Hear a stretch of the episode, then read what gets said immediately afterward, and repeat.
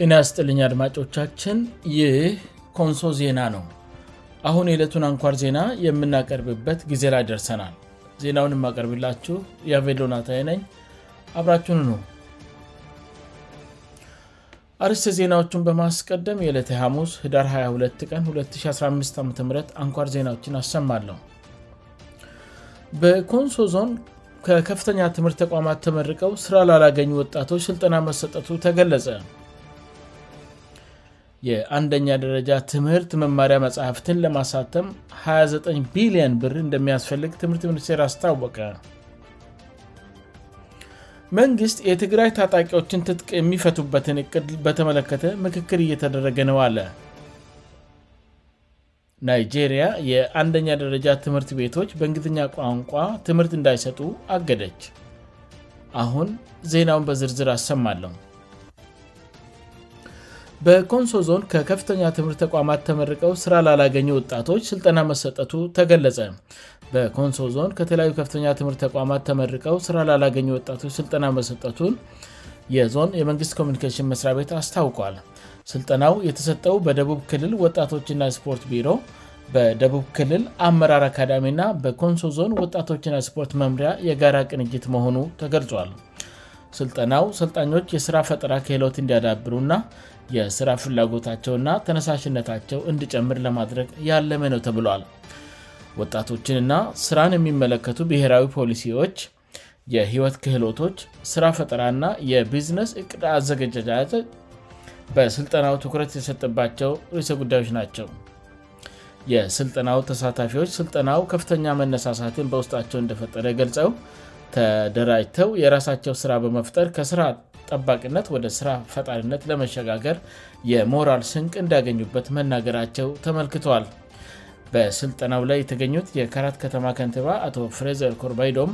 ወጣቶች በስልጠናው ያገኙትን ክሎት ወደ ተግባር ለመለወጥ በሚያደርጉት ጥረት በኢንተርፕራይዞች ሰክተር በኩል አስፈላጊው ድጋፍ እንደመደረግላቸው ገልጸው ሰልጣኞችም የቀሰሙትን እውቀት ወደ ተግባር ለመለወጥ ጥረት እንዲያደርጉ አሳስበዋል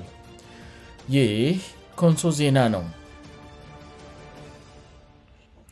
የአንደኛ ደረጃ ትምህርት መማሪያ መጽሕፍትን ለማሳተም ክልሎች 29 ቢሊን ብር እንደሚያስፈልጋቸው ትምህርት ሚኒስቴር አስታወቀ ከ212 ዓም ጀምሮ በትምህርት ሚኒስቴር ይዘቱ ተዘጋጅቶ ለሁሉም ክልሎች በየቋንቋቸው ተተርጉመው የተላኩ አዳዲስ ከቅድመ መደበኛ እስከ ስምትክፍል የመማሪያ መጽሕፍት ለማሳተም ክልሎች 29 ቢሊዮን ብር እንደሚፈልጉ ትምህርት ሚኒስቴር አስታውቋል ይህ የተገለጸው የትምህርት ሚኒስቴሩ ፕሮፌሰር ብርሃኑ ነጋ ለህዝብ ተወካዮች ምክር ቤት የሰው ሀብት ልማት ስራ ስምርትና ቴክኖሎጂ ጉዳዮች ቋሚ ኮሚቴ የተቋማቸውን የ215 ዓም ሩብመት አፈጻፀም ሪፖርት ሂዳር 19 ቀን 215 ዓም በቀረቡበት ወቅት ነው በሀገር አቀፍ ደረጃ ከአንድ ቋት የተቀዳ ተመጣጣኝና ተመሳሳይ የሆነ የትምህርት ስርዓት ለማዘጋጀት ሚኒስቴሩ ከክልል ትምህርት ቢሮ ህጋ ከክልል ትምህርት ቢሮዎች ህጋዊ ውክልና ተቀብሎ ይዘቱን አጠናቆ በ214 ዓም ለክልሎች ብልክም መጽሕፍቱ የሚታተሙበት ገንዘብ እጥረት ማጋጠሙን የትምህርት ሚኒስቴር ዴታ ዶር ፋንታ ማንደፍሮ ተናግረዋል ተም ግታ እንደሌለበት የገለት ሚኒስቴር ዴታው ክልሎች በሀገር ውስጥ ለማሳተም የገንዘብ እጥረት እንዳለባቸውእና የማተሚያ ቤቶች አቅም ውስንነት መኖሩን እንዲሁም በውጭ ሀገር ለማሳተም ደግሞ የውጭ ምንዛዴ ጥረት በማጋጠሙ መጽሐፍቱን ለተማሪዎች ማድረስ እንዳልተቻለ አስረድተዋል በአሁኑ ወቅት በኢትዮጵያ ከ23 ሚሊዮን በላይ የአንኛና ሁለተኛ ደረጃ ተማሪዎች እንደሚኖሩእና የአንድ መጽሐፍ ህትመት ዋጋ በአማካይ 300 ብር መሆኑ ተገልጿዋል በተመሳሳይ ከ9ኛ እስ 12 ክፍል የመማሪያእና የማስተማሪያ መጽሐፍት አዘጋጅቶ አሳትሞ የማድረስ ኃላፍነት የትምህርት ሚኒስቴር ቢሆንም ለማሳተም ግን የገንዘብ እጥረት ማጋጠሙ ተጠቁመዋል በተመሳሳይ በሀገር አቀፍ ደረጃ ለሚሰጠው የአስርቲ ክፍል ብሔራዊ ዩኒቨርሲቲ መግቢያ ፈተና የሚያገለግሉ 1 ሚሊዮን የኮምፒተር ታብሌቶች በሀገር ውስጥ ለማስመረት መታሰቡን የሚኒስቴር ኃላፊዎች ተናግረዋል የብሔራዊ ፈተና ስርቆት የትምህርት ስርዓቱን በማዳከምና ማኅበራዊና ፖለቲካዊ ቀውስ በመፍጠር ለሀገሪቱ ስጋት ማስከተሉ የተገለጸ ሲሆን ወደፊት ለስርቆት የማያመጭ ፈተና የሚሰጥበት መንገድ እየተቀየሰ መሆኑን ኃላፊዎቹ አክለዋል 1 ቢሊዮን ብር ወጪ እንደተደረገበት የተነገረለት የ2014 ዓም የብሔራዊ ፈተና አንዳንድ አካላት ውድ ነው የሚል ቅሬታ ሲያቀርብበት ሰምቻ አለው ያሉት የትምህርት ሚኒስትሩ በውድነት ምክንያት ይህን ችግር አለመቀየርን የሚያክል አገርን ውድ ዋጋ የሚያስከፍል ነገር የለም ብለዋል በዚህ ከፈተናው ከተገኘው ጥሩ ውጤት አንጻር የወጣው ገንዘብ ትንሽ መሆኑንም አስረድተዋል ይሁን እንጂ ለፈተና ስርቆት የወጣውን ገንዘብና ካጋጠሙ የፀጥታ ችግሮች አንጻር ችግሩን ለመፍታት የሚቻለው ፈተናውን በዲጂታል መንገድ ማከናወን ሲቻል ብቻ መሆኑንም አክለዋል በመሆኑም ሚኒስተሩ ከዚህ ቀደም የነበሩትን አሰራሮች ሊቀይሩ የሚችሉ የፈተና አሰጣት መንገዶችን መቀየሱንም ተናግረዋል የመጀመሪያው ወደ 1ድ ሚሊዮን የሚጠጉ ታብሌት ኮምፒተሮችን ከውጭ ሀገር በውጭ ምንዛሪ ገዝቶ ማስገባቱ አስቸጋሪ በመሆኑ ታብሌቶቹን በሀገር ውስጥ ለማምረት ከኢትዮጵያ ኢንቨስትመንት ግሩፕ ጋር ማምረስ ስለሚቻልበት ሁኔታ ውይይት መደረጉን አስታውቀዋል በዚህም የታብለት ምርቱን በተመለከተ የኢንቨስትመንት ሆልዲንግስ ከውጭ ኩባንያዎች ጋር ውይይት በማድረግ ፋብሪካ ለማቋቋምና ወደ ስራ ለመግባት እየተንቀሳቀሰ መሆኑንም ገልጸዋል ፋብሪካው ተገንብቶ ምርቱን በግንቦት ወር ለሚሰጠው ብሔራዊ ፈተና ስለመድረሱ እርግጠኛ አይደለሁም ያሉት ፕሮፌሰር ብርሃኑ ነጋ ታብሌቶቹ በ2016 ዓም ለሚሰጠው ፈተና እንደሚደርሱ ግን ተስፋ እንዳላቸው አብራርተዋል በሌላ በኩል ፈተናውን በኦንላይን ለመስጠት የሚያስችል የሶፍትዌር ና የሲስተም ማበልጠቅ ሥራ በዘርፍ ልምድ ካዳበሩ ከዳያስፖራ ኢትዮጵያውያን ጋር ንግግር መጨመሩንም ገልጸዋል ከዚህ ቀደም ተማሪዎች በተማሪ በት ትምህርት ቤት ይሰጥ የነበረው የአስራውቲ ክፍል የዩኒቨርሲቲ መግቢያ ፈተና ስርቆትን ለማስቀረት በሚል የ2014 ዓም መልቀቂያ ፈተና የፈተናውን አሰጣጥና ደህንነት የሚቆጣጠር በዩኒቨርሲቲ ፕሬዝደንት የሚመራ ግብር ኃይል በማቋቋምና ተማሪዎችን ወደ ዩኒቨርሲቲ በማጓጓዝ ፈተናውን በተለየ መንገድ በዩኒቨርሲቲዎች ውስጥ እንድሰጥ መደረጉ ይታወሳል በዩኒቨርሲቲዎች ውስጥ የተከናወነውን ብሔራዊ ፈተና ለመፈተን ከተመዘገቡ 59570 የተፈጥሮ ሳይንስ ተማሪዎች 588541 ለፈተና ሲቀመጡ 9159 ተማሪዎች በፈተና ጣቢያ አለመገኘታቸውን የትምህርት ምዝናእና ፈተናዎች አገልግሎት ዋና ዳይረክተር ዶር እሸቱ ከበደ ተናግረዋል በተመሳሳይ በማኅበራዊ ሳይንስ ለፈተና ከተመዘገቡት 352622 ተማሪዎች ውስጥ 3555 ተማሪዎች ለፈተና ሲቀመጡ 2117 በፈተና ጣቢያ አለመገኘታቸውን አስታውቀዋል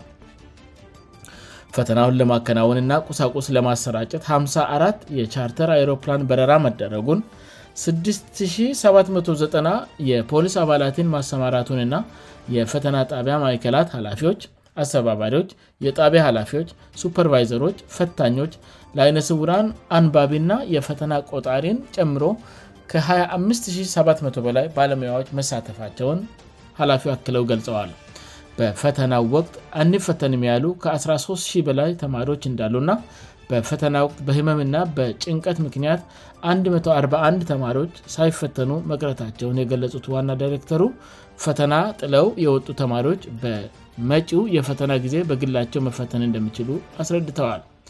በፈተና ወቅት ሰባ ተማሪዎች መውለዳቸውን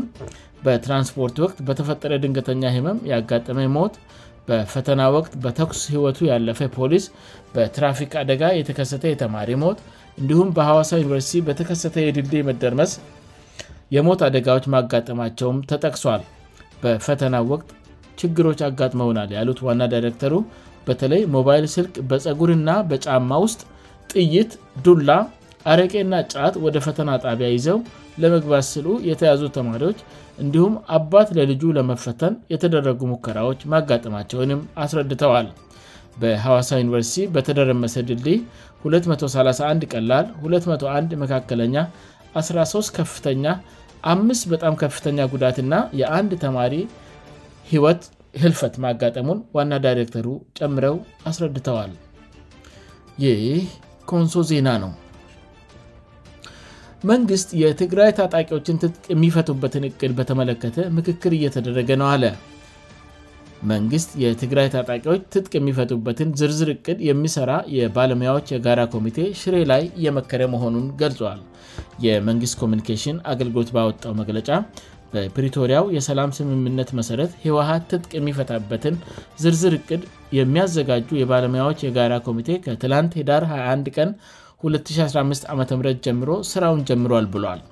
ከፈደራል መንግስትና ከትግራይ ታጣቂዎች የተውጣጣ ነው የተባለው የባለሙያዎቹ የጋራ ኮሚቴ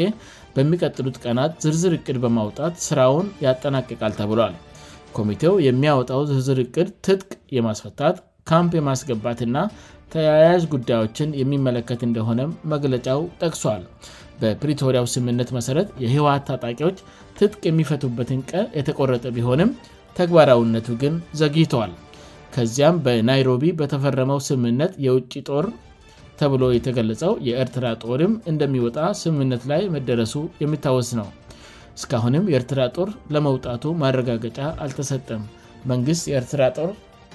ስለመኖሩም የሰጡ ማረጋገጫ የለም ይሁንና የህወሀት አንዳንድ አመራሮች የኤርትራ ጦር ሲወጣ ብቻ ትጥቅ እንደሚፈቱ ከዚህ በፊት ሲናገሩ ተደምጠዋል የትጥቅ መፍታት ዝርዝር እቅዱን የማውጣት ተግባሩ በቴክኒክ ጉዳዮች ምክንያት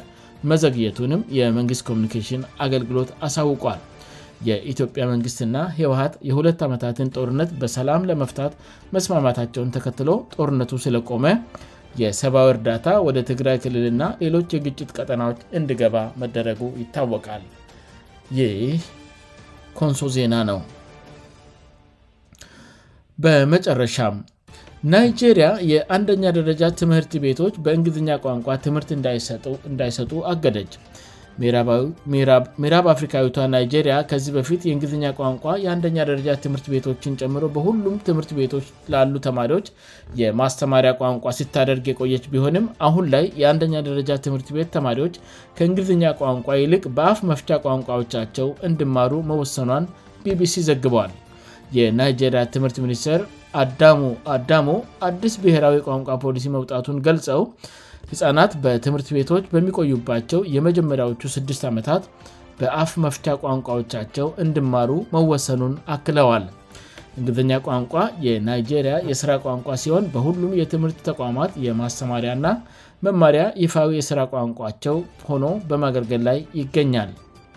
ናይጄሪያ አዲስ የቋንቋ ፖሊሲ ያዘጋጀችው ሕፃናት አፍ በፈቱበት ቋንቋቸው ብማሩ የተሻለ እውቀት ማግኘት እንደሚችሉ በጥናት መረጋገጡን ተከትሎ እንደሆነም አስታውቃለች ይሁንና ናይጄሪያ ከ600 በላይ የሀገር ውስጥ ቋንቋዎች ባለቤት መሆኗን ተከትሎ በእነዚህ ቋንቋዎች ሁሉ ለማስተማር የህትመት ወጪ የሰለጥነ መምህርና ሌሎች አቅርቦቶችን ማሟላት ልፈትናት እንደሚችል ሚኒስትሩ ጠቁመዋል በተጨማሪም አዲስ የተዘጋጀው ብሔራዊ የቋንቋ ፖሊሲ ከመቼ ጀምሮ ወደ ተግባር እንደሚገባ አለመገለጹ ፖሊሲ ውጤታማ ላይሆን ይችላል ተብሎ ከተገለጹ የስጋት መንስዎች አንዱ ሆኗል ይህ ኮንሶ ዜና ነው አድማጮቻችን ዜናውን ከማብቃቴ በፊት አርስ ዜናዎቹን በድጋሚ አሰማለው በኮንሶ ዞን ከከፍተኛ ትምህርት ተቋማት ተመርቀው ስራ ላላገኙ ወጣቶች ስልጠና መሰጠቱ ተገለጸ የአንደኛ ደረጃ ትምህርት መማሪያ መጽሕፍትን ለማሳተም ክልሎች 29 ቢሊዮን ብር እንደሚያስፈልጋቸው ትምህርት ሚኒስቴር አስታወቀ መንግሥት የትግራይ ታጣቂዎችን ትጥቅ የሚፈቱበትን እቅድ በተመለከተ ምክክር እየተደረገ ነው አለ ናይጄሪያ የእንግሊዝኛ ቋንቋ በአንደኛ ደረጃ ትምህርት ቤቶች እንዳይሰት አገደች ዜናው በዚህ አበቃ አድማጮቻችን የዕለቱ አንኳር ዜናዎቻችን ይህን ይመስኑ ነበር ስላልዳመጣችሁን እናመሰግናለን ከንሶ ዜና በቀጣይም በተመሳሳይ ዝግጅት እንደሚጠብቁ ተስፋ ያደርጋል እስከዚያው በደህና ቆዩም